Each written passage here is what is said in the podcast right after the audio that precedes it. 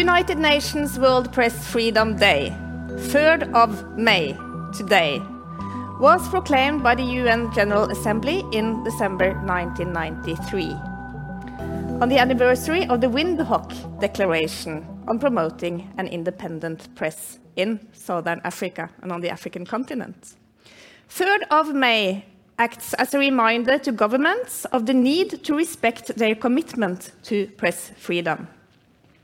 It is also a perfect day for journalists, media professionals, and researchers, and the wider public to reflect about issues of press freedom the challenges to press freedom today, and discuss how we best can defend this crucial freedom and the safety of journalists worldwide.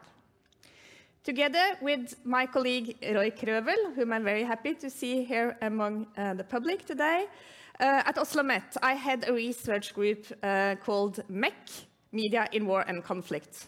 And for eight years in a row, we organized in cooperation with UNESCO and Fritt Ord, an annual conference on the safety of journalists. Um, and we have seen uh, a field in rapid development. And although the situation for press freedom and the safety of journalists is worrying in many places, including in countries where media freedoms traditionally have been good, I'm pleased to say that we are, see that there is an increased focus and interest in the needs um, of um, on the, this topic and in the need to protect journalists now compared to when we started.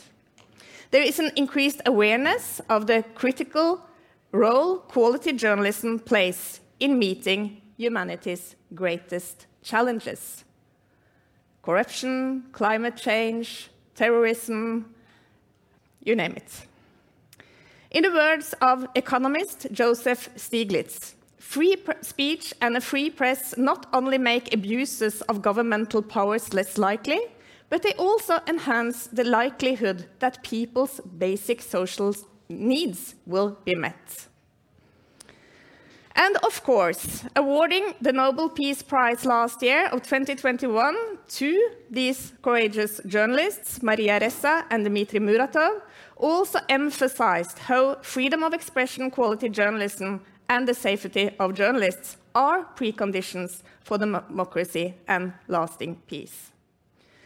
Maria Ressa, whom both from the City Hall in front of us and also from this very scene importantly reminded us in December how female journalists meet the same challenges as their male colleagues, in addition to some directly addressed to the fact that they are women. And how she found the social media giants, but they are uh, failing to protect against the spread of hate and disinformation. Muratov, the editor of Novaya Gazeta, which was then one of the last bastions of Russia's free press. More than two months after Russia invaded Ukraine, journalists continue to face grave risks while covering the war. Reporters have been shot, injured, and detained. Other remains missing. And in Russia, as we will hear in a little while, the authorities have detained and harassed journalists for their reporting. It is impossible today to cover the ongoing war. Today, part of the Nobel Peace Prize Committee's rationale last year can almost be read as a prelude to what was to come. A free, independent, and fact based journalism protects against abuse of power, lies, and war propaganda. And there are, of course, other wars than the one in Ukraine and other violent conflicts that we hear less about, but where press freedom and journalist safety will also be under severe attacks. Afghanistan, Yemen, Palestine, Ethiopia, Mali, countries where the conditions for press freedom are getting worse. And we know this because finally, the 3rd of May is also a day to assess the situation of the press worldwide. And here, Reporters Without Borders play a particular important role. In addition to informing about the press freedom situation throughout the world every day, on abuses against journalists and all forms of censorship in at least five languages, and then once a year, they launch of this annual World Press Freedom Index, which measures the state of press freedom in 180 countries worldwide.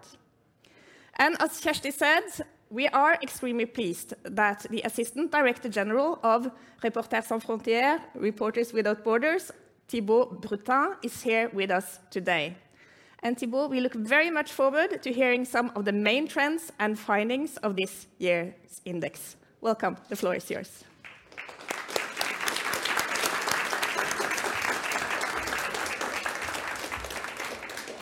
Thank you. Thank you for the invitation. Thank you, uh, Kjersti. Thank you, Christine.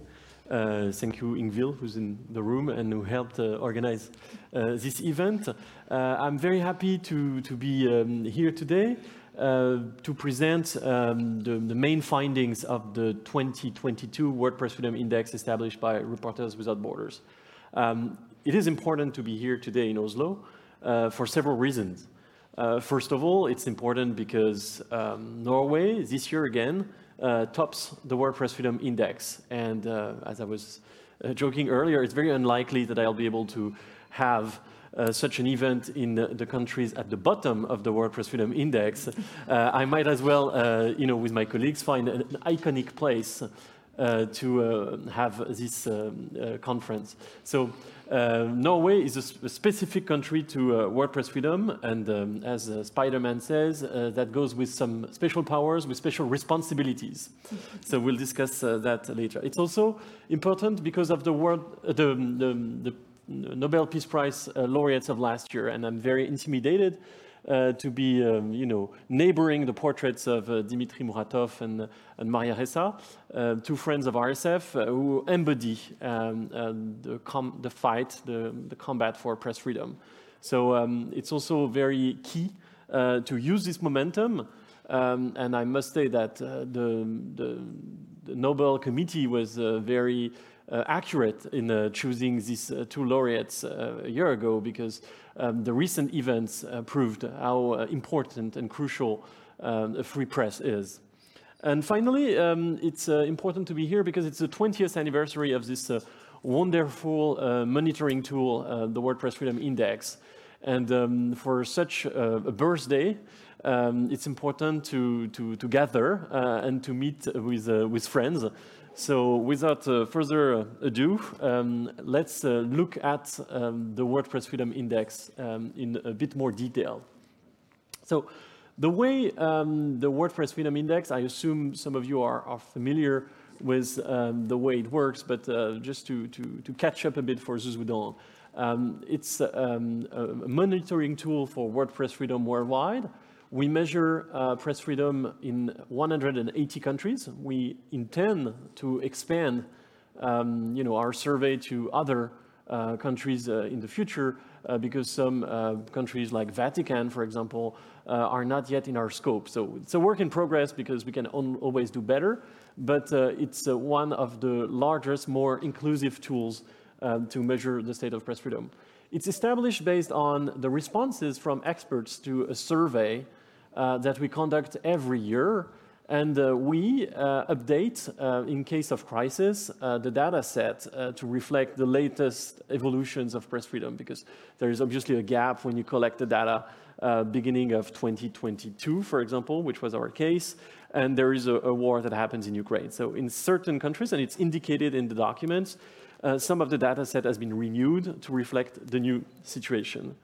So uh, the data is not retreated. It's um, a, a, full reflection of uh, what experts on the topic uh, consider as the press freedom level in the, respective countries. It's important to say that it's not also a tool to measure um, you know, the government's actions uh, within a certain country regarding press freedom.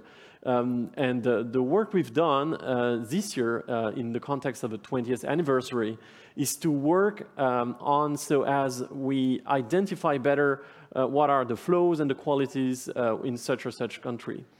So we've reconsidered the number of indicators we have.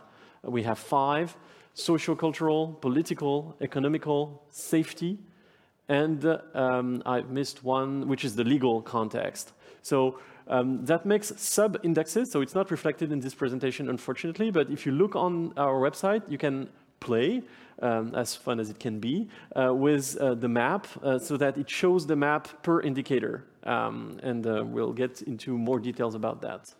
So this is what the situations look like today. Um, so you'll see the countries in green. I'm colorblind, so this is a bit of a difficult exercise for me. Um, so the green uh, countries are uh, countries where the situation is assessed uh, good, and the like darker red is very serious uh, situation for uh, press freedom. If you compare to what the map was um, in 2013, for example, uh, you'll see, and it's a trend that can be identified in other topics, you'll see a trend towards less countries in green and more countries in very bad. Um, a difference of eight, 20 countries in, in 2013 were very bad, 28 are now um, entering the very bad zone. And um, you had in 2013 16 countries where the situation was assessed good, and only eight today, and Norway is one of them. So that's a ranking. So you should, when looking um, at the index, pay attention to the ranking, but also to the scores, because of course, um, as it's based on data, uh, the more um, you know a country evolves and the, the, more influence it has on the ranking of other uh, countries, uh, logically and um, mathematically. Um, and the, the first um, you know, overlook we had uh, at the index this year and the data set was that and um, it's something that's evidenced in many countries, is that there is a, a, risk of polarization today. What do we mean by polarization?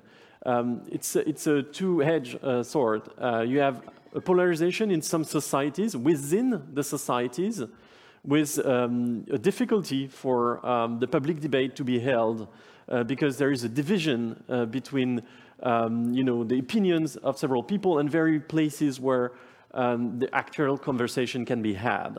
Uh, we call it the Fox Newsization of uh, information.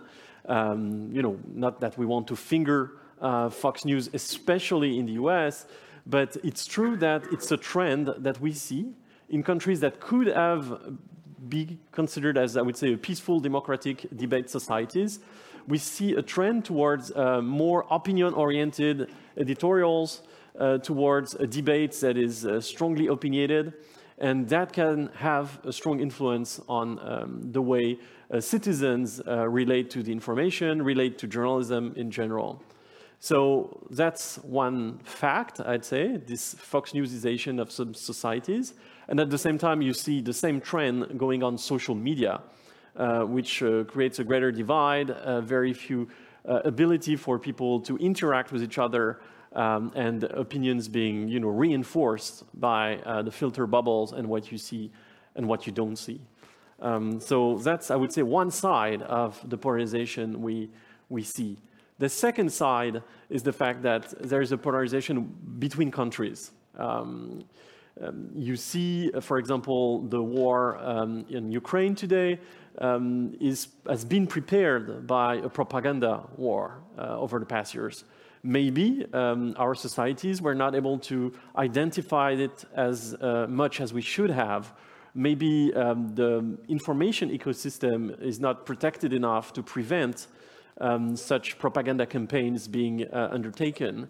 But uh, it's uh, already um, self-evident today to say that, um, you know, in the 19th century, when a country would go to war, you would have uh, what we called artillery preparation, with, uh, you know, guns firing to prepare uh, the advance of the army. Today, you have a propaganda a preparation uh, to make sure that, um, you know, there's a certain coherence within society, within the society that's mastered by people that want to control information, and that there is an incoherent uh, debate or a violent debate, polarized debate in the other societies. And in this regard, and we could discuss that further, um, the role of um, you know, an information that is weaponized, that is used by some powers um, to intrude uh, in political debate is, is, key.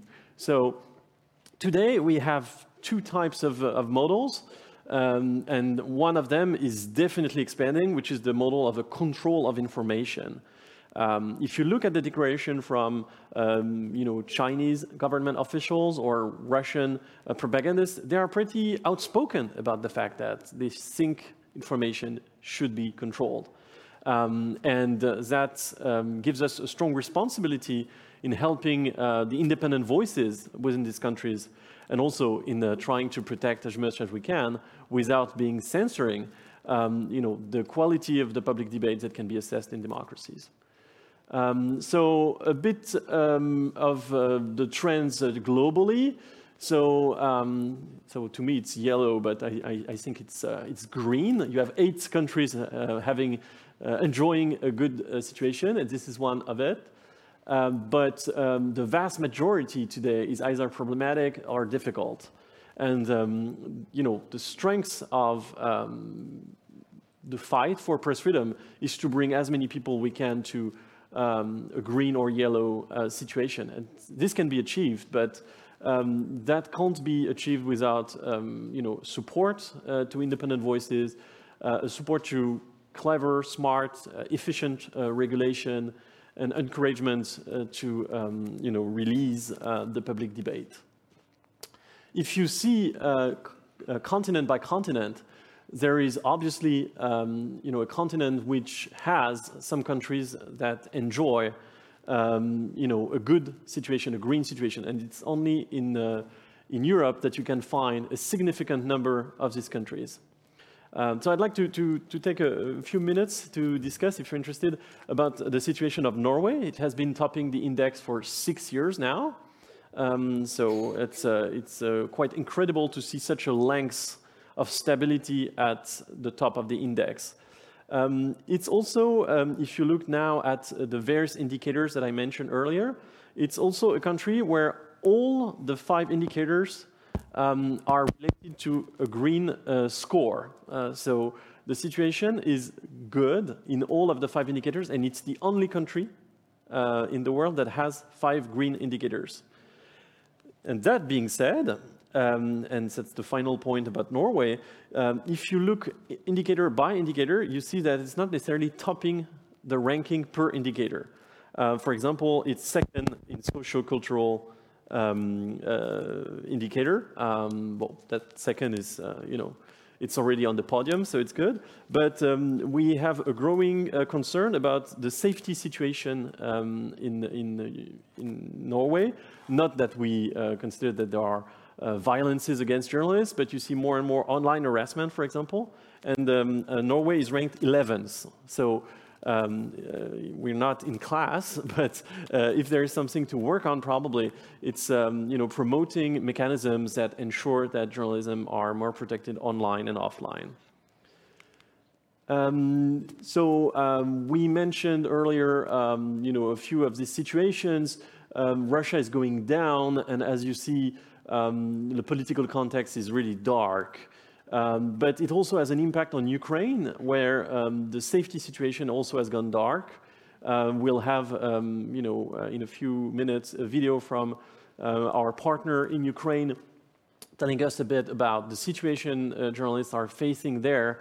Uh, but um, the, the context in Ukraine is very difficult to deal with for media outlets because it's, uh, as um, evidence in this table, it's a mix of a huge concern for safety, but also coming very next, um, a concern about the economic context in which media outlets evolve. Uh, of course, uh, when your newsroom, your entire newsroom converts to um, you know, war reporting, uh, and there is no advertisement, um, there is difficulty to print, um, you know, newspapers, uh, this is uh, to be taken into account and lots of uh, support has been, and RSF is part of, of that effort as well, um, is, has been to provide safety equipment, but we should also consider what can be done to relieve the economic uh, pressure um, in, um, in a country like Ukraine on media outlets. And uh, maybe a third country uh, it's interesting to, to see is the return of safety concerns in Europe. So we mentioned Norway, which is uh, you know a slight concern, but um, in two countries in Europe, you've seen uh, murders of journalists. Um, there had been uh, two murders um, in the past uh, decade um, that were very iconic. The murder of Jan Kuciak in Slovakia and the murder of Daphne Caruana Galizia in Malta. But today you've seen uh, also murders um, uh, coming back, I would say, um, with unfortunate memories in the Netherlands, um, with Peter de Vries being uh, murdered in the, in the, streets of Amsterdam, and also George Karaivaz in, in Greece. So that explains a bit the, the fall down of uh, these countries uh, within the World Press Freedom Index. So we've spoken about um, you know, the, the top of the index, and a few words to finish about um, you know, the countries with um, the most um, you know, repressive regimes. Um, and it's really important that uh, these countries um, take into account the fact that an index like the index of RSF is widely released. It's used by the OECD, for example. It's used by development ag agencies. So a great um, you know, campaign has been um, carried on by several uh, press freedom organizations to try and explain that the development of societies, humanitarian uh, aid, not necessarily should be conditioned to uh, progress in press freedom, but it's important that it goes the same way. And um, we are in discussions with, um, you know, people in Iran um, uh, at the highest level. Um, Eritrea and North Korea are more difficult countries to, to work with. Uh, that, that's uh, the least we can say.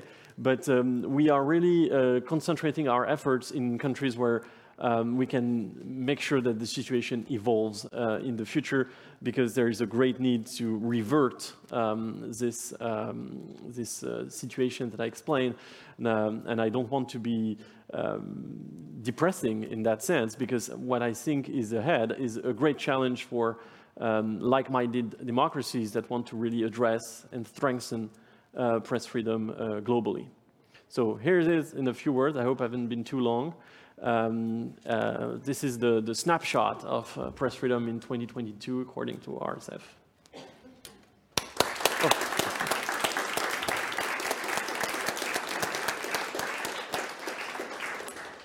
Thank you, Thibaut, for that very comprehensive, uh, taking us through the, some of the highlights and some of the main facts from your report. And we will discuss uh, more of, from the index now in the following hour or so. Uh, now I'm very pleased also to welcome Knut Olav Åmås. Please, you can find your seat here. Uh, he is the executive director of Fritt Ord, the Freedom of Speech Foundation here in Oslo, Norway. Uh, welcome. And Knut Olav, we will like to start, um, give you the floor for a few minutes to comment on, on what Thibaut just explained to us, shared with us. Mm, well, that was a general. Uh, do you want something more specific? Uh, um, I was not prepared to. Well, mm. you can choose something you found uh, particularly interesting in what Thibaut just said and uh, take it from mm. there. Is that a better question? Well, it's uh, it's uh, also this year a rather depressing report not least to see to see the um, the volume of of the endangered countries uh, with a critical situation in comparison to the uh, ever uh, decreasing number of uh, of green countries, and also uh, worrying to see the relatively uh, weak position of formerly promising democracies in in the middle of Europe. Uh, that's, I think, one of the most striking uh, trends from uh, the last years. Um, um, yeah, th that's my first first impression. And I, think I, want to, to honor Reporters Without Borders for this report and, and uh, also this new model you have chosen this year, these five dimensions. It's, uh, it's very pedagogical and, and um, uh, fascinating to, uh, to go into. And I understand that on your website you can go deeper into each of, each of the categories. And uh, mm, yes, I look forward to doing that. Um, um, Yes, and we will. Uh, just one, just one question. Uh, uh, you, you state in your press release that the situation in Ukraine and Russia has Uh, you have not stopped observing it uh, as of January, but you have followed it uh, through March. So, so the figures there are even more updated. Abs- absolutely.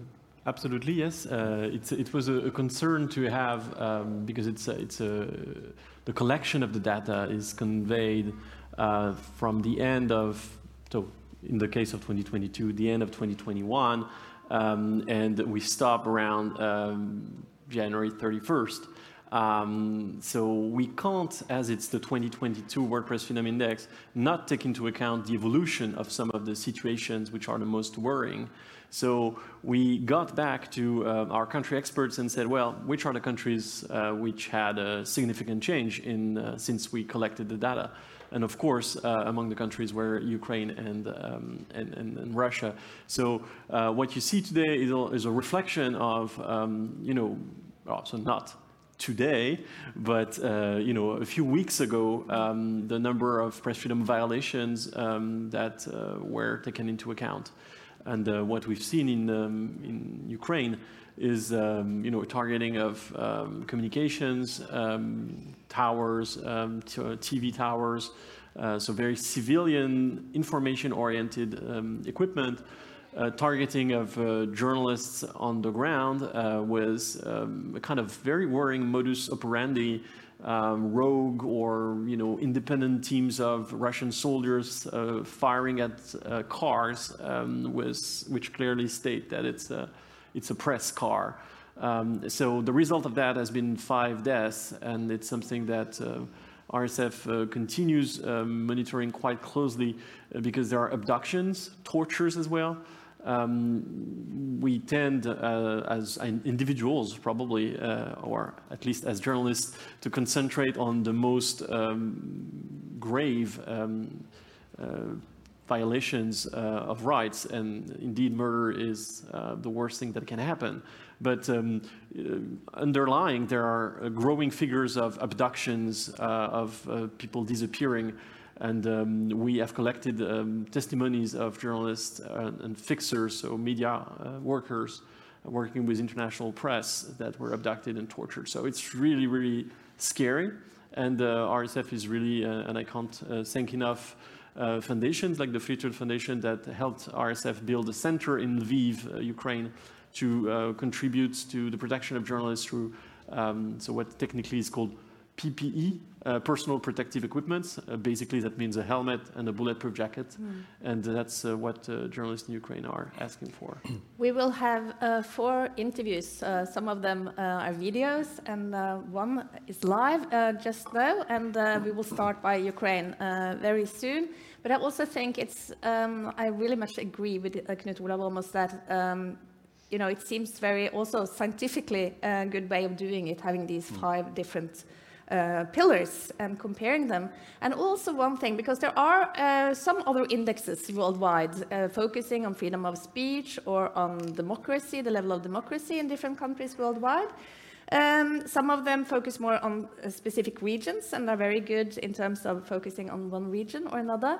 But I think one thing that makes really the RSF index stand out is that you also open about your methodologies. And that is something which is important. We can actually, as researchers, journalists, um, and people can look into uh, your index and also behind the scenes, so to speak, to, to get an impression of how you work. And this year you also have these five specialists from, from different parts of the world. So that is interesting. Knut Olav, you had a, a last question or comment before we go directly to Ukraine. Yeah, just a general comment. I, I didn't have time before uh, this event to, to read uh, uh, the reports from the latter years, but I have, a, I have a feeling that you stress even more this year the role that social media and the tech giants and internet platforms play in, in the polarization processes, both uh, between countries and also inside countries.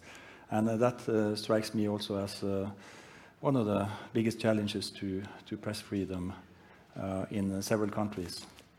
And, it was interesting that you noted that this splendid country, Norway, which is on the top once more, um, ha has a relatively lower position in, um, because of an increasing amount of online harassment. Mm.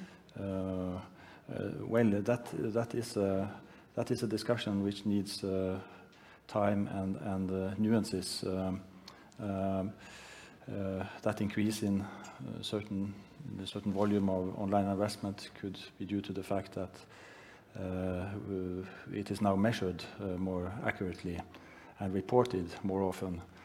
Um, so I, I think um, the, uh, the, uh, the volume of online harassment in this country uh, is uh, nowadays too often overestimated. I, I, get a feeling now and then that it's used as a symbol of, of opponents to an extensive freedom of expression to, to show how, how, bad it, how bad it could be. Mm. We will, I'll just tell you that I know there are journalists among uh, the audience as well. We will have um, the opportunity to have questions from the floor in a little while. But now, ladies and gentlemen, we're going to Ukraine. Um, we're going to meet Oksana Romaniuk. She's the executive director of IMI. That is an independent NGO which was established back in 1995 to implement projects in the public and civil sector um, in Ukraine to boost, as they say, positive impact on media on the establishment of a civil society. Um, are we ready for the video? Okay, let's go to Ukraine, ladies and gentlemen, which is the 106th of the 180 countries on the list. Hello, everybody. My name is Oksana Romaniuk. I am the director of the Institute of Mass Information, a Ukrainian media NGO and actually, I'm now uh, sitting on the floor in the house where I have been living as an internally displaced person for over a month already. So I represent here also the community of Ukrainian journalists and activists who had to leave their houses because their cities were heavily shelled and bombed by Russian troops. But nevertheless, we continue our work because we believe now it is extremely important to document Russian crimes against media in Ukraine, to document the humanitarian crisis, and to support safe and free journalism in Ukraine. We have documented uh, 243 crimes against media and journalism in Ukraine that were committed by Russia during the two months since February 24, since, since the invasion. Seven our colleagues were killed when they were doing professional activities. 15 journalists went missing and we just hope that they are alive. Hundreds, over like hundreds of journalists received threats over 100 of local media had to um, close because either they were directly pressed by Russians or there was no more opportunity for them to survive because of the financial crisis. When Russians occupied Ukrainian cities and territories, they went with lists of journalists and activists they need to punish, to eliminate, to take hostages, to torture, to kill. We have seen how dictatorship is afraid of free speech. Dictatorship wants to close every source of information and to substitute it with propaganda. Putin troops shelled 11 Ukrainian TV towers in cities. Those TV towers, they are 100% civic objects. So this is a sign how they wanted to create a blackout and to continue their propaganda. And I believe that the world should rise. This is the moment for the world to rise and to um, demand accountability, to demand justice for those atrocities, for those crimes against media and journalism, against free press in Ukraine. Mm-hmm. This whole this situation has proved how important is free speech, how important is journalism for democracy. This shows all of us that we should protect free speech, that we should rise not only in Ukraine, but we should rise in all, really all countries to support journalism, freedom of expression, because this is the basis of democracy. And we also um, should join forces to uh, providing journalists who work in Ukraine with safety equipment, with um, all kinds of support, even psychological support for us is very important. We really admire the work of those foreign journalists who risk their lives and arrive here in Ukraine to report because we understand how dangerous it is now in our country. So we should stand together to defend journalism, to defend free speech. We should stand with Ukraine. Thank you.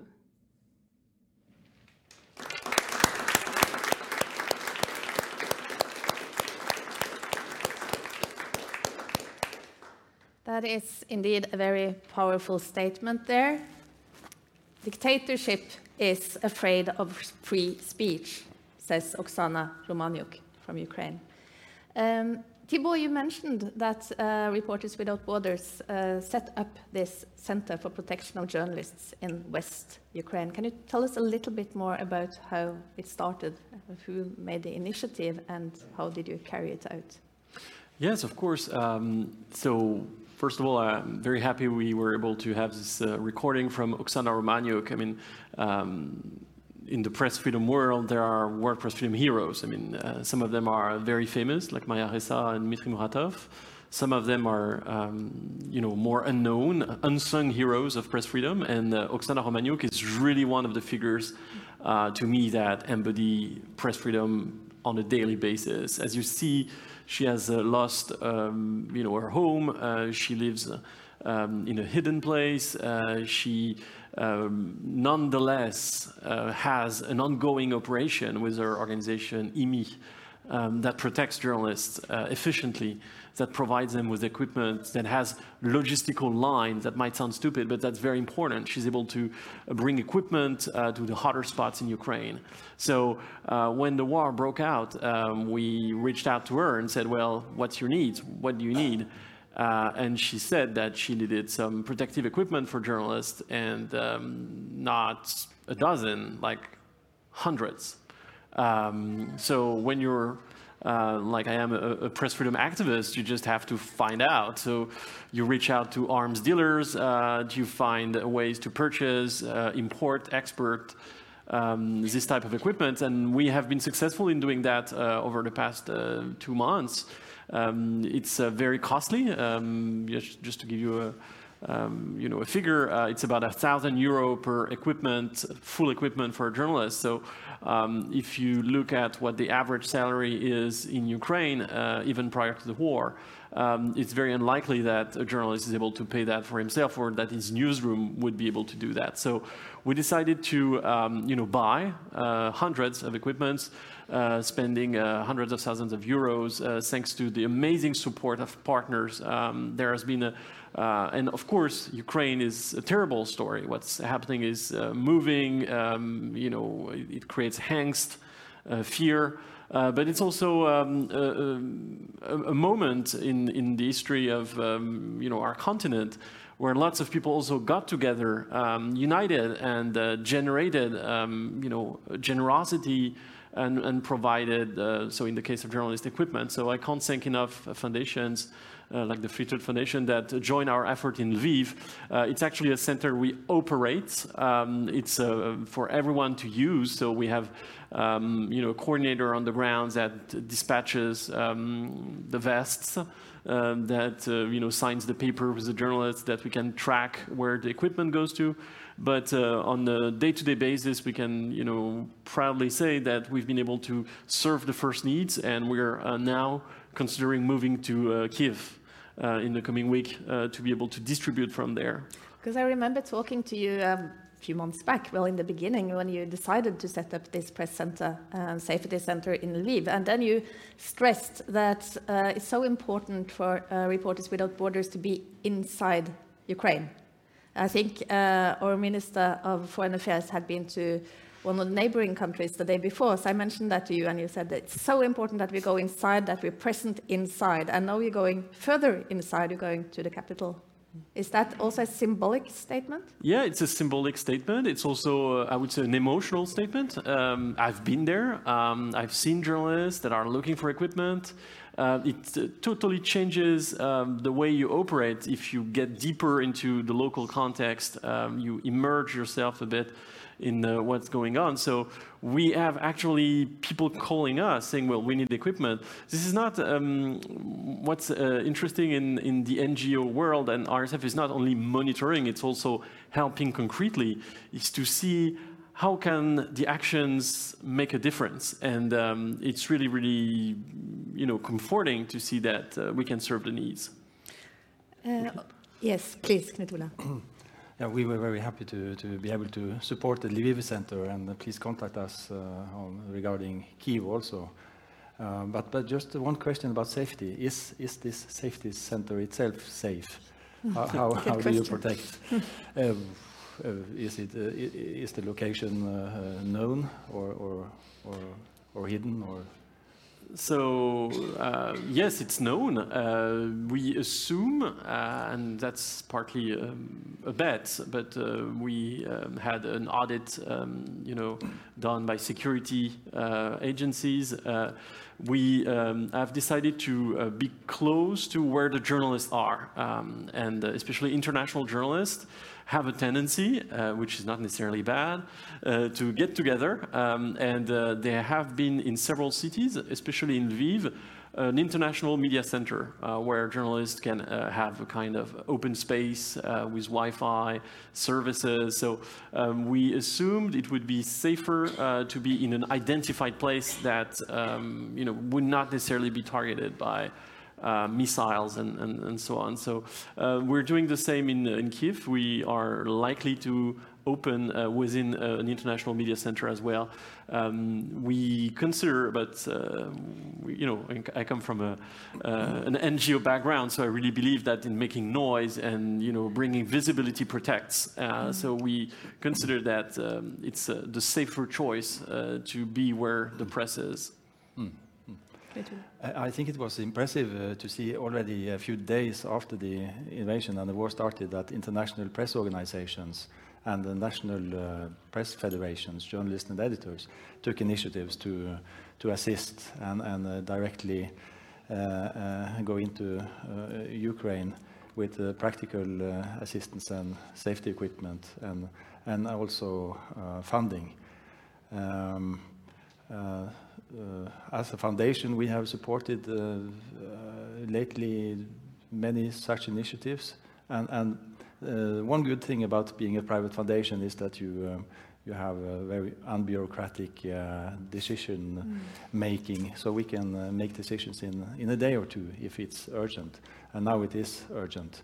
And we've seen also, in addition to the uh, very good initiatives from the international press organizations, that a number of uh, European foundations have uh, come together and, and uh, established initiatives both towards and in Ukraine, but also assisting exiled Russian journalists and editors.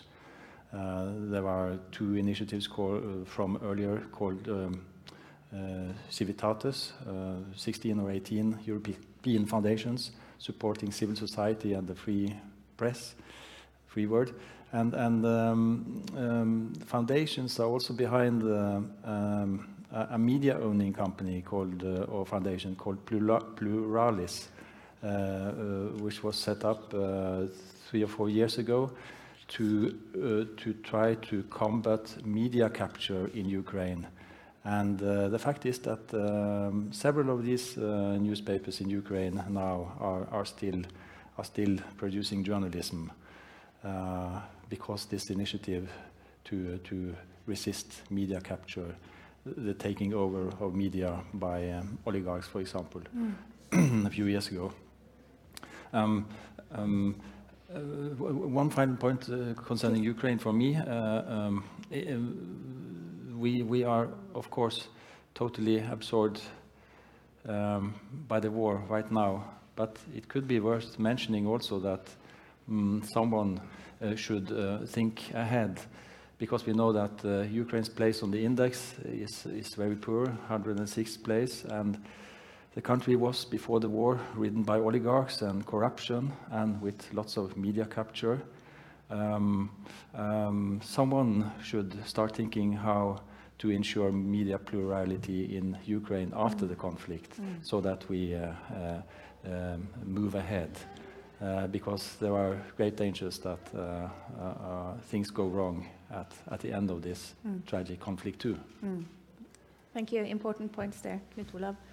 Um, and we also heard uh, Oksana Romaniuk talking about the loss of her colleagues. And that is, of course, when you talk about safety of journalists, that is the very dark uh, backdrop to it. That journalists actually get killed uh, while they do their work. And we heard Muratov saying here uh, in December that his largest wish was that journalists should get very, very old. And uh, some journalists don't get very, very old. And you told me, Thibaut, uh, when we spoke earlier today, about the work uh, you do in Bayeux, commemorating journalists who were killed for the work they do. And this is, of course, also part of the 3rd of May, uh, the Press Freedom Day, to commemorate those um, professional journalists who were killed in action, so to speak. Can you just say a few words about what you've done in Bayeux, in Normandy, in France? Yeah, so um, the two main publications I would say of RSF are the World Press Freedom Index we presented uh, today, well, we're presenting today, and um, and the roundup we do every year of uh, the journalists and media workers killed uh, while doing their job, and um, you know a few a few years ago we realized that you know we needed a type of memorial um, to you know just to to to, to get the memory uh, to remember um, all those that have died while doing uh, this important job of bringing information to us. And um, uh, with a proposal from the city of Bayeux, which is in Normandy in, in France, uh, which is also the city that was first liberated by um, the US forces after D-Day, uh, we um, build we did build um, a, a, kind of a memory garden uh, with stones uh, on which are written the names of the journalists that uh, have been killed. Um, every year uh, we have um, a ceremony. Uh, it's deeply moving. It, uh, it gives a lot of sense to um, you know what we're doing. It's a, it's a strong emotional moment. Um, we have the families or colleagues of the person that have been killed that come uh, that unveil um, the stone where the name is marked. And um, it's, a, it's a moment to assess and remember. And um, I can only encourage, um, you know, to inscribe, to write down these names uh, within a public space, um, you know, giving their names to squares, to uh, buildings, uh, to meeting rooms, uh, it's important to uh, remember uh, as a society or as societies, as democracies, um, you know, what we owe to these journalists that were killed in, in action. We will now go to Russia, uh, or to a Russian journalist who is exiled in Georgia. Uh, Marfa Smirnova, is the line ready for us? There is not such a thing as a free press in Russia anymore. Today, we hear. And there you are, Marfa. Welcome to us here at the Nobel Peace Center in Oslo. We're very, very pleased that you could join us from Georgia. Um, please, uh, you, you, used to be um, a journalist uh, working for and a TV host uh, in TV Rain, or Dozhd, as I believe it's pronounced. And uh, the whole world, I think, you touched everybody um, when you closed down Dozhd. And I'm sure many of you saw that here in the audience as well, how the whole uh, TV crew left the stage uh, and the cameras just continued to broadcast. While, and even though when I think about it, it's really emotional that the way you chose to, to leave um, Dozhd uh, in a very spectacular way. And then after, when you left, um, the channel showed recordings of the Swan Lake uh, to end the whole uh, thing. So, Marfa, we're very, very pleased that you're here. Can you please uh, take us a little bit into how this closing of um, TV Rain uh, took place? Um, yes, hi. Um, I'm very pleased to be here as well. Um, um my name is Marfa Smirnova. I'm working as a journalist now. As uh, you mentioned, I'm not working anymore for uh, TV Rain, TV Dozhd, as it was blocked uh, in the beginning of the March. Now I'm working for another media. It's called Insider. Uh, it's more like um, invest, investigative uh, journalism, but uh, here in Georgia we started to do news streams. I'm sitting now, for example, I don't know if you can see it, I'm sitting in our news studio. Um, I'm working here as a TV anchor as well and doing three times a week uh, uh, news programs. We call it YouTube streams because it's only you can see it only in YouTube, not in uh, normal uh, TV. And uh, mostly we are talking about uh, the war in Ukraine, of course, because um, I think it's very important to talk about the war uh, in Russian language. You uh, you maybe know that already Ukrainian TV channel Ukraine 24 started to do also a block of news program in Russian language uh, for the Russian audience. Um, and actually it was our goal uh, at uh, TV Rain at Dozhd. Uh, uh, we from the 24th of February we had a big audience. I don't remember exactly the numbers, but I think about like millions of people were watching us every day. At that time, myself, I was working in Ukraine. Uh, I was sent there. My my editor in chief sent me first uh, to Poland to. Um, uh, to this uh, city, to the small town just at the border with Ukraine. Then I moved to across the border and I moved to Lviv and I worked there for a week. And uh, it was um, very specific, um, specific time because uh, you know you you're a Russian journalist uh, working in Ukraine. Uh, but uh, I met there in Ukraine, also in Lviv, a lot of people who, sorry, uh, who recognized me and uh, they knew about TV Dozhd and I also met actually when I was trying to get out of Lviv with all the refugees by this train uh, going to Poland um, a volunteer just at the train station. Uh, he helped me to get inside the train because actually it wasn't that easy. You had to wait uh, for, I don't know, hours or days to get inside because at that time it was a lot, a lot of refugees uh, fleeing from Ukraine. And this one volunteer he came up to me and told me oh marfa i know you. I watched you i watched you like the, uh, the whole time you're working here in Lviv, and even policemen uh, at the train station, they also recognized me and uh, told me that, oh, we know you're working for TV Rain, TV Dozhd, and um, I guess at that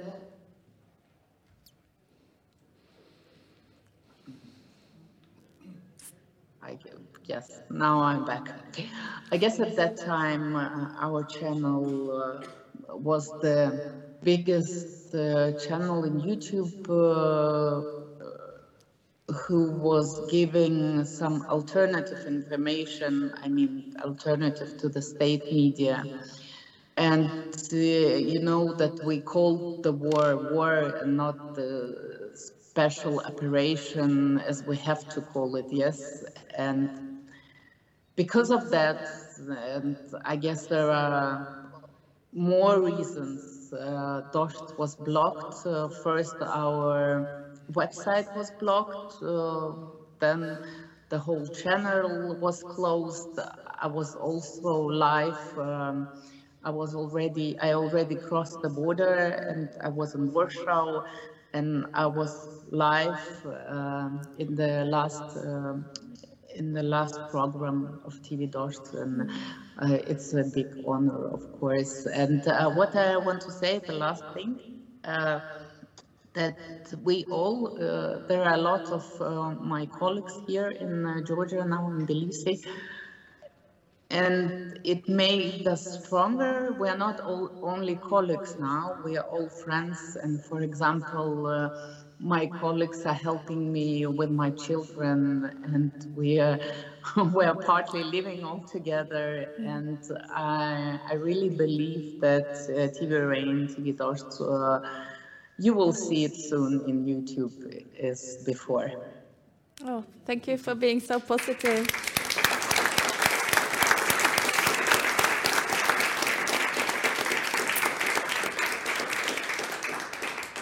Masha, Masha yes. Minova, could you please tell us a little bit more about how it is to work now uh, from Georgia? How is a typical day uh, as a journalist in your life? Yes, I will continue continue my positive thinking. Uh, it's it's pretty easy because uh, I'm not under pressure here. I don't work in Russia. I um, I don't. Um, I'm.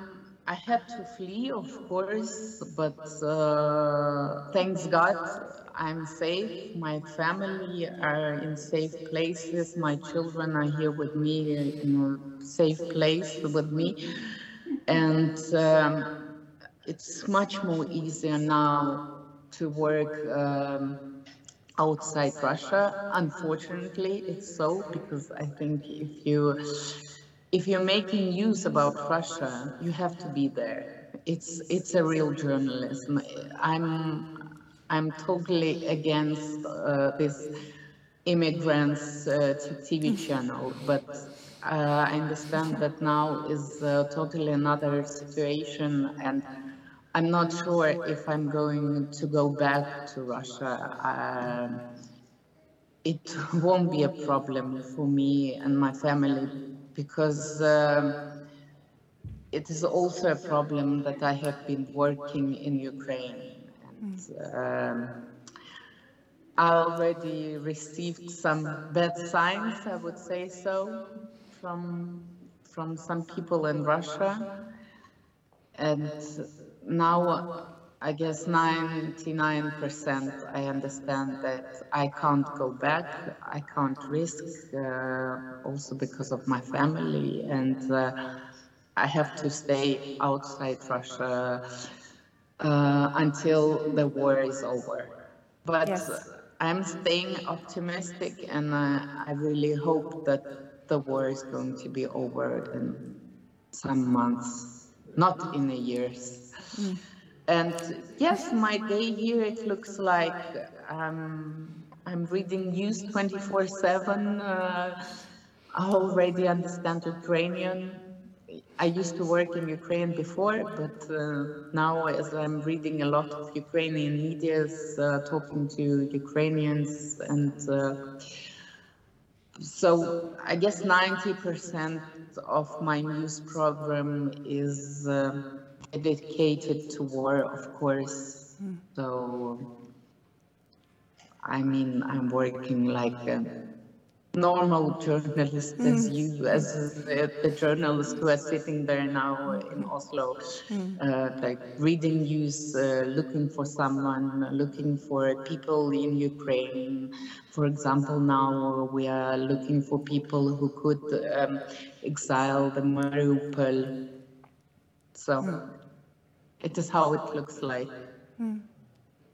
Masha, thank you so much for sharing uh, your story. Is there, uh, from your perspective, anything we as an international community could do to assist you, um, meaning exiled uh, Russian journalists in the neighboring countries?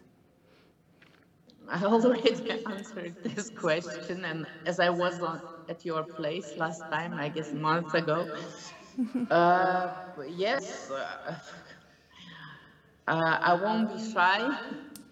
And uh, I will tell you directly that, of course, we need some help. We need some financial support. For example, we are like working here, five people doing one news program.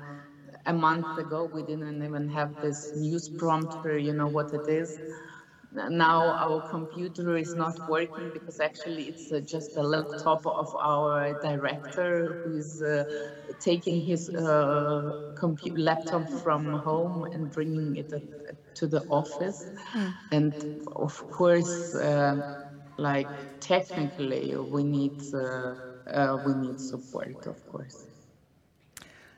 We just heard from the uh, Assistant Director General of Reporters Without Borders here that he actually quoted Spider-Man saying that those who uh, are very strong also have to be very brave and kind.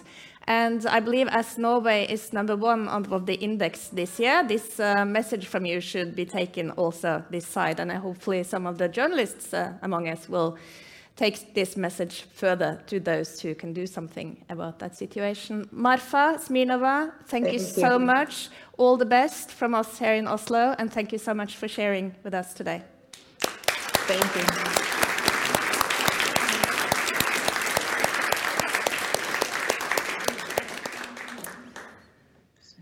Thibaut, uh, a short comment from uh, yeah, I mean, I'm very happy that we could have this uh, this uh, testimony from Marfa. It's uh, it's uh, what's going on in, in Russia is um, has been a bit uh, difficult to identify first because uh, lots of people were focusing on on the situation in Ukraine and the, the fate of journalists in Ukraine. But um, there, the backdrop to this story is really the risk of an extinction extinction event of journalism in Russia.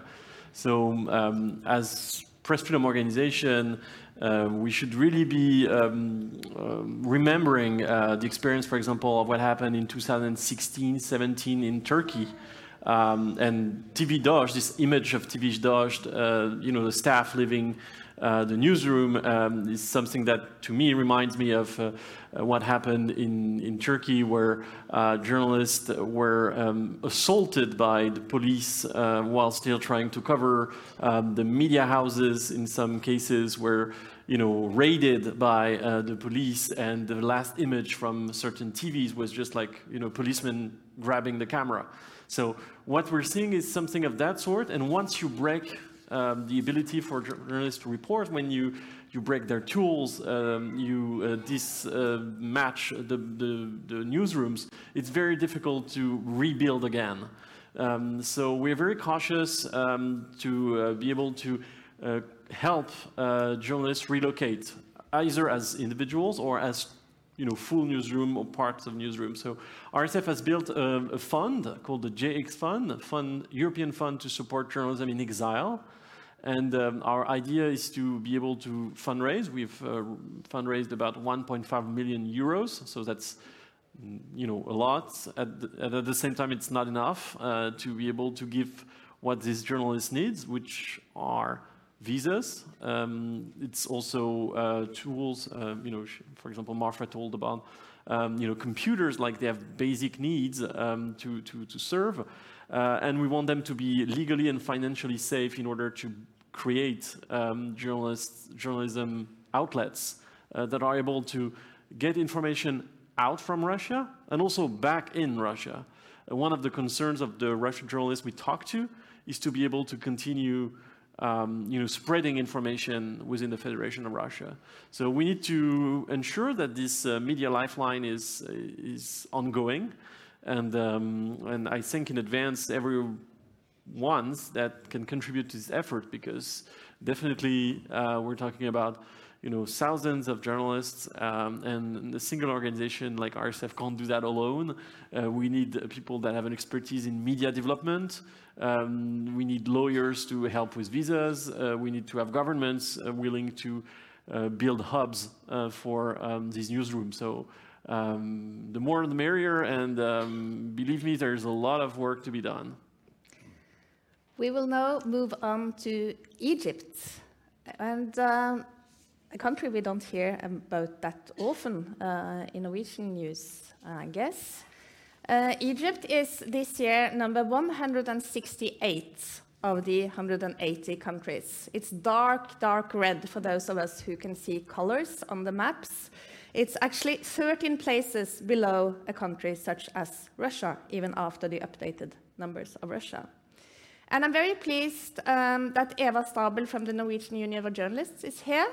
Uh, because she's been done, doing some very important work for several years um, through the IFJ with a lot of support from the Norwegian government through uh, the Ministry of Foreign Affairs.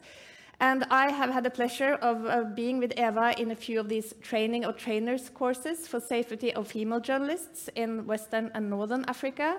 And the next very brave journalist that we are to meet is Shireen Abdel Azim, and she has been with us uh, in a couple of these courses, um, and it's a pleasure for me to introduce her to you. She is a journalist and the assistant editor of Hebdo Al Ahram, which is an Egyptian weekly in French. Uh, and she's also a um, very successful trainer of trainers uh, of other journalists in issues of safety and also of equality, gender equality. Um, so please, uh, we'll go to Cairo, Egypt. Bonjour tout le monde, je suis Sherina Abdelazim, journaliste et vice-rédactrice en chef de l'Ahram Hebdo, un hebdomadaire égyptien de langue française. Cette année, je fête mes 50e anniversaire et mes 25 ans en tant que journaliste. Je suis formatrice auprès de l'Union internationale des journalistes, des syndicats égyptiens et norvégiens en ce qui concerne la safety des journalistes. Enfin, je suis volontaire au Croissant Rouge égyptien. Dans mon pays, on dit que le journalisme est un métier à problème, le métier de tous les soucis. C'est une vérité. Les dix dernières années ont connu des transformations importantes en Égypte et la scène journalistique n'a pas été à l'égard à ces évolutions. À vrai dire, écrire un article en 2022 est tout à fait, différent en 2011. Pourquoi? La période qui a suivi la révolution du 25 janvier a connu une grande tension politique et une polarisation extrême. Les anathèmes peuvent pleuver sur la scène politique. On a alors vu apparaître un nouveau genre de journalistes, des journalistes qui ne connaissent pas même leur métier et parfois ne possèdent même pas de diplôme. Résultat, une cascade d'informations anonymes erronées et très politisées. Avant vous dire à quel point il était difficile de travailler dans, dans de telles conditions? Le chaos journalistique a connu l'Égypte pendant plusieurs années a porté préjudice à notre profession. Entre 2011 et 2014, 10 journalistes égyptiens ont été assassinés selon l'Organisation égyptienne des droits de l'homme, mais la vérité victime était la lecteur, troublée par cette foule d'informations anonymes et non documentées, publiées en l'absence de toute intégrité professionnelle. La situation pire lorsque le candidat des frères musulmans aux élections présidentielles, Mohamed Morsi, est arrivé au pouvoir. Les, les frères ont placé sous leur contrôle l'ensemble des médias, télévision, radio, presse et réseaux sociaux, sans véritable compétence. En même temps, de grands journalistes sont restés sur le banc de touche, car ils ne font pas partie de la confrérie. Au cours de cette période trouble, la presse du portable s'est beaucoup épanouie en Égypte. De nouvelles, souvent sans signature et sans source, étaient diffusées 24 heures sur 24 heures. La confusion était totale. N'importe qui pouvait publier n'importe quoi. La violence, les assassinats et le kidnapping et le harcèlement étaient, étaient monnaie courante non seulement en Égypte, mais aussi dans les pays arabes, à cause des révoltes qui s'étaient déclenchées dans toute la région. Face à ce climat d'insécurité, l'Union internationale des journalistes a relancé dans la région le programme intitulé Safety des journalistes, basé sur les règles de la sécurité professionnelle. Je suis devenue une des premières formatrices dans ce domaine en Égypte. L'Union a réussi à créer durant quelques mois un réseau de formateurs dans les pays arabes, dont l'Égypte, l'Irak, la Syrie, la Tunisie, le Soudan, la Jordanie, le Yémen et la Palestine. Un programme qui a formé des milliers de journalistes et qui a sauvé des vies. J'ai appris à travers ce programme qu'avant de rédiger un article, je devais connaître les lois de, publication et la politique éditoriale de l'institution où je travaille. Je devais aussi connaître mes droits et mes devoirs, savoir comment évaluer les risques de chaque mission. J'ai appris aussi que ma vie est plus précieuse qu'un article ou une photo et que je ne devais pas me sacrifier. Avec la révolution du 30 juin 2013, l'atmosphère en Égypte a commencé à changer. Trois organismes chargés de faciliter le travail des journalistes ont été créés. Le Conseil suprême pour la régulation des médias, l'Organisme national de la presse et l'Organisme national des médias. Aux côtés du syndicat des journalistes, ces trois institutions ont permis de régler nos, euh, nos conditions de travail. Mais est-ce qu'en Égypte, on peut dire que le journaliste possède la liberté de s'exprimer? À mon avis, cela dépend du journaliste lui-même. S'il connaît ses droits et ses devoirs, s'il possède des documents nécessaires pour appuyer ce qu'il avance, alors il peut écrire ce qu'il veut. Le vrai défi que nous, que nous affrontons aujourd'hui en tant que journalistes, c'est la crédibilité. L'homme de la rue et aussi les responsables n'ont plus confiance en nous. Ils acceptent rarement de parler avec la presse, car pendant des années, la presse a diffusé des informations erronées. À nous de retrouver notre crédibilité. J'ai beaucoup parlé, mais c'est la nature des journalistes. Bonne fête, bonne journée.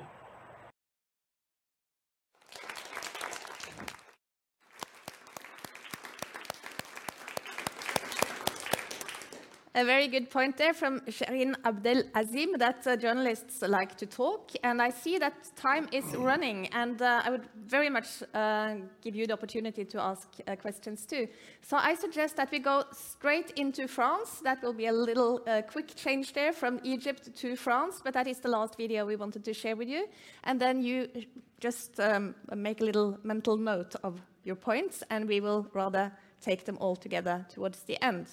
France, uh, we hear more about in Norwegian media, especially because uh, it's a country that just came out of elections. Um, and also, it's, uh, it's not so far from us uh, geographically speaking. Um, we see that, um, well, we have um, at least one French person among us. Um, so I will be careful what I say. I know we have a couple of others too.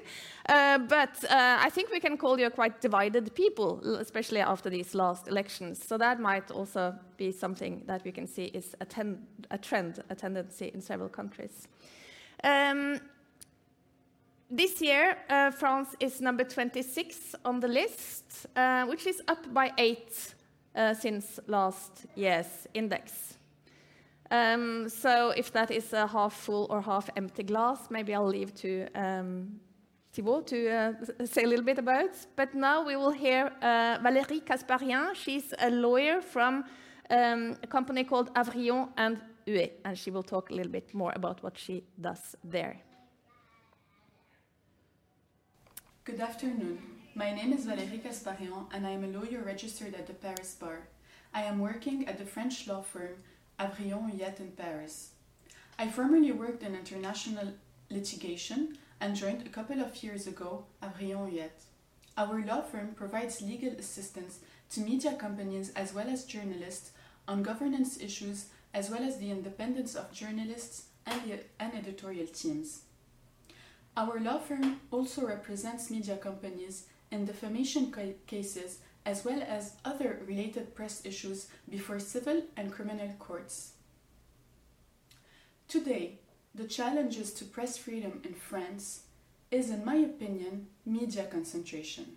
Because basically, most of the media outlets in France are owned by only a handful of big owners that are mainly banks, insurance companies, and international business companies.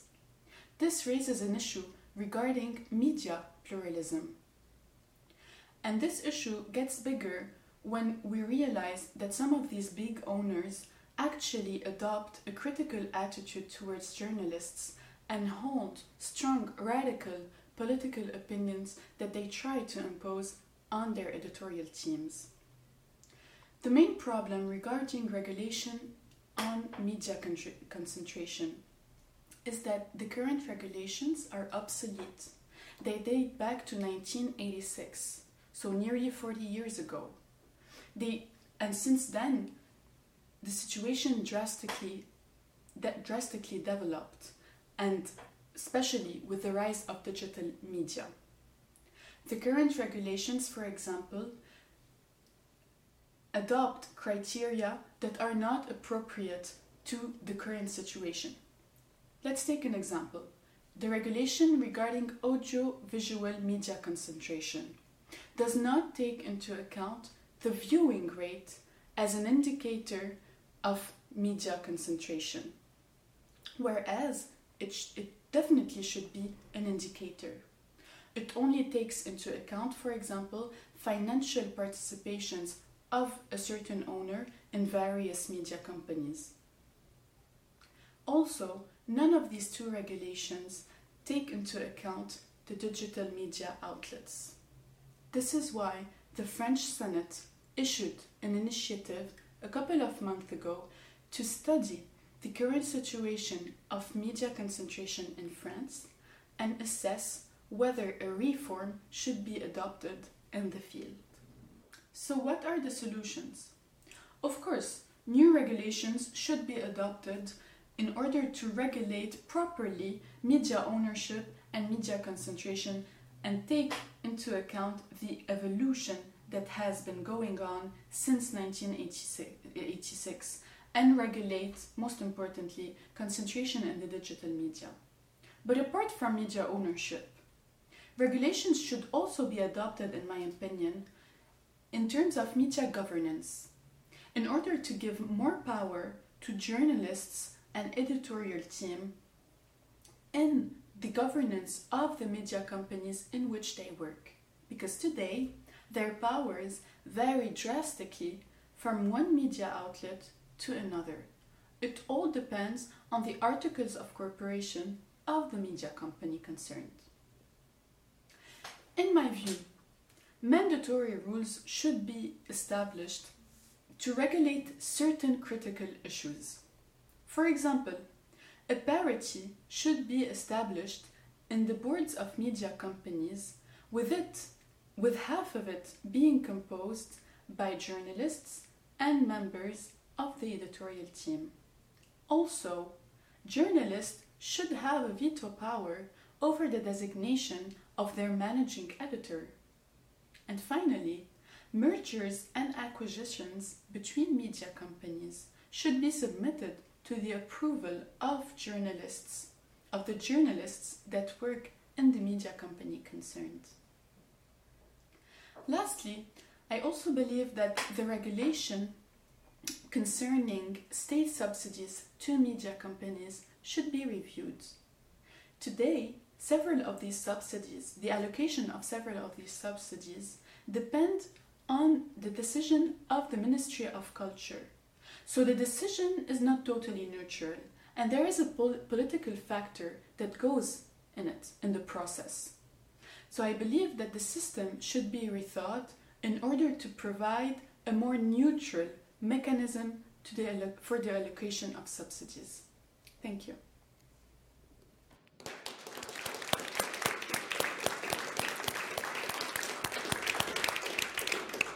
Lots of food for thought and discussion there, I suppose, from Valérie Kasparian, uh, Paris, France.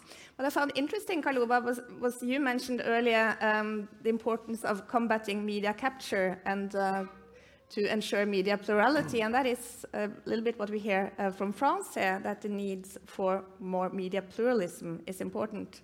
And of course, we all know that last week um, Twitter, a very important uh, debate arena was bought by the world's richest man. So here there are lots of interesting things to discuss. Unfortunately, we can't go into all these details or all the suggestions by Valérie Kasparian, but I think there are some really interesting things here.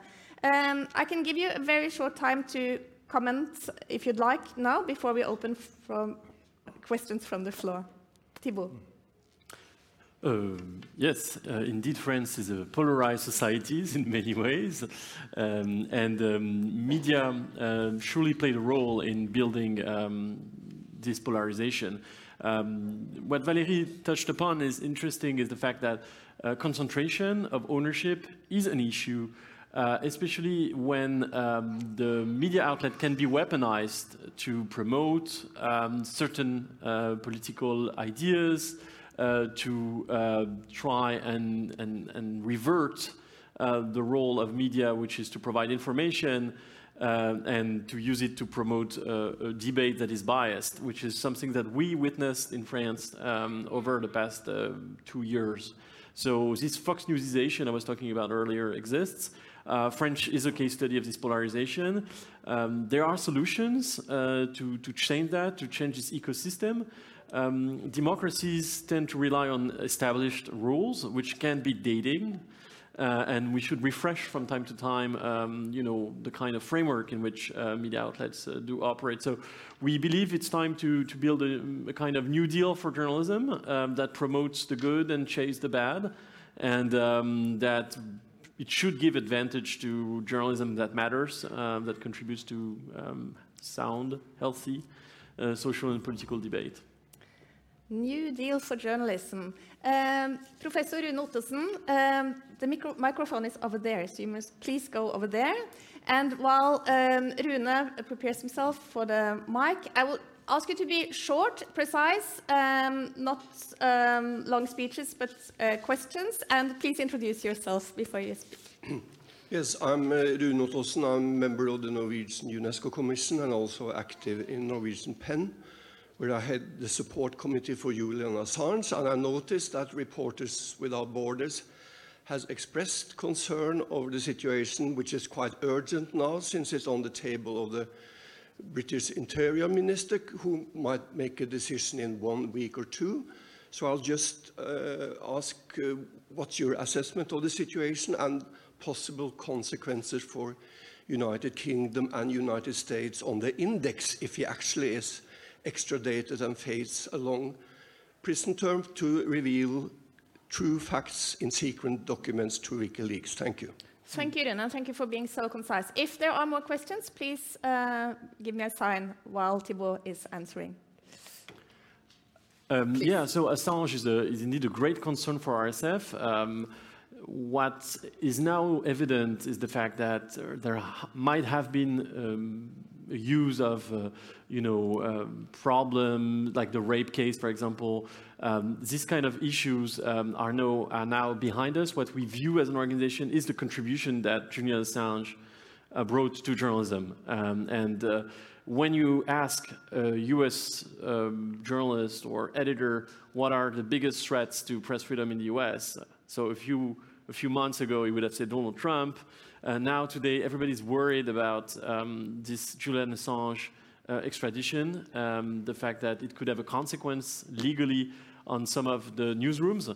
Um, so um, RSF is hopeful. Um, we have to, in the in the fact that um, you know the British legal system could revert its decision. We have a petition going on. Um, indeed, if uh, Julian Assange, which we hope will not happen, uh, is to be um, extradited to the US, that would have an impact on the ranking of both uh, the UK and the US. Uh, I mean, I can't, uh, you know, make it for sure. Uh, I'm not a respondent of the World Press Freedom Index, but it surely is one of the questions that um, that I think the respondents will have to ask themselves when reviewing the 123 questions. There are a few of them that address um, the ability to protect sources, the ability to protect um, journalists uh, and not be detained. So what we are likely to see if Julian Assange uh, is extradited is a very worrying uh, portrait of press freedom in these countries. Thank you, Thibaut. Eva, please introduce yourself. Um, from the Norwegian Union of Journalists, NJ. Um, I just wonder if the fact that uh, Norway decided not to close down the RT or Russia Today here in Norway, uh, would it be seen uh, positive or negative in your, uh, uh, yeah, in your annual list? No, I, I, love this question. It's a, it's a, it's a very important question. Um, RSF advocates for um, the promotion of journalism that is reliable, that is, uh, you know, trustworthy, and um, of course, um, when uh, choosing what kind of fights we want to, to lead, uh, we don't consider ourselves as uh, you know, likely to be the champions of Russia Today or Sputnik. Um, in, we don't consider that they bring um, you know, something that is um, helpful uh, to the public debate, and surely they are not independent media outlets. That being said, um, RSF has expressed concerns publicly about the fact that um, what we don't want is a weaponization of information, an instrumentalization of information, and that's precisely what the EU did by, you know, cutting the access to uh, Sputnik and Russia Today because of the war in Ukraine. Um, so uh, we do not necessarily have a disagreement on um, you know, the heart of the matter, but we consider that the way it was performed is really poor. Um, and um, so RSF has been uh, expressing um, discontent about um, the way the EU um, decided with very few legal basis um, to disconnect these uh, channels. Thank you so much. I will give you each, uh, if you'd like, uh, one minute each to sum up all the main important findings of today's discussion. Uh, Knut Olav, please. Yes. I think we should be happy that Norway did not follow the European Union in uh, censoring uh, RT or, uh, and Sputnik. Um, because that, that, would only set a pattern for, for more censorship in and from authoritarian regimes, I think, in the future. Uh, they can just point to us and say, you are doing the same, censoring. So uh, Russian propaganda and official lies should be combated systematically, of course. They are uh, horrible, but then through knowledge and facts and fact-checking and high-class investigative journalism. That said, there, uh, there are two thoughts running through my uh, uh, head, heart, and brain after hearing all this and reading the report. Today, it's that the single most important, the two most important things we can do now in the coming weeks and months is to uh, support in every way possible Ukrainian journalism, independent journalism, uh, and the second is to support the splendid, brilliant uh, Russian exiled journalism. Uh, they have been working for several decades under extreme pressure. They have been the pride of Russian journalism, and they will be so important to uh, the global public in, in the years, in the months to come. Uh, we need uh, their partly inside information, and they will also be continued to be read and to be seen in inside Russia because millions of Russians have access to VPN and, and so forth. So that's my two most important points. Thank you so much, Knut Olav. Um, so my, my two um, most important points would be first uh, to pay tribute to um, the people that uh, do their job every day and contribute to um, you know, the essence of journalism. Uh, you've seen um, on the screen um, that uh, actually a lot of them are women journalists. Um, there is a new generation of, uh, of uh, journalists. Um, it happens that uh, a lot of them are women.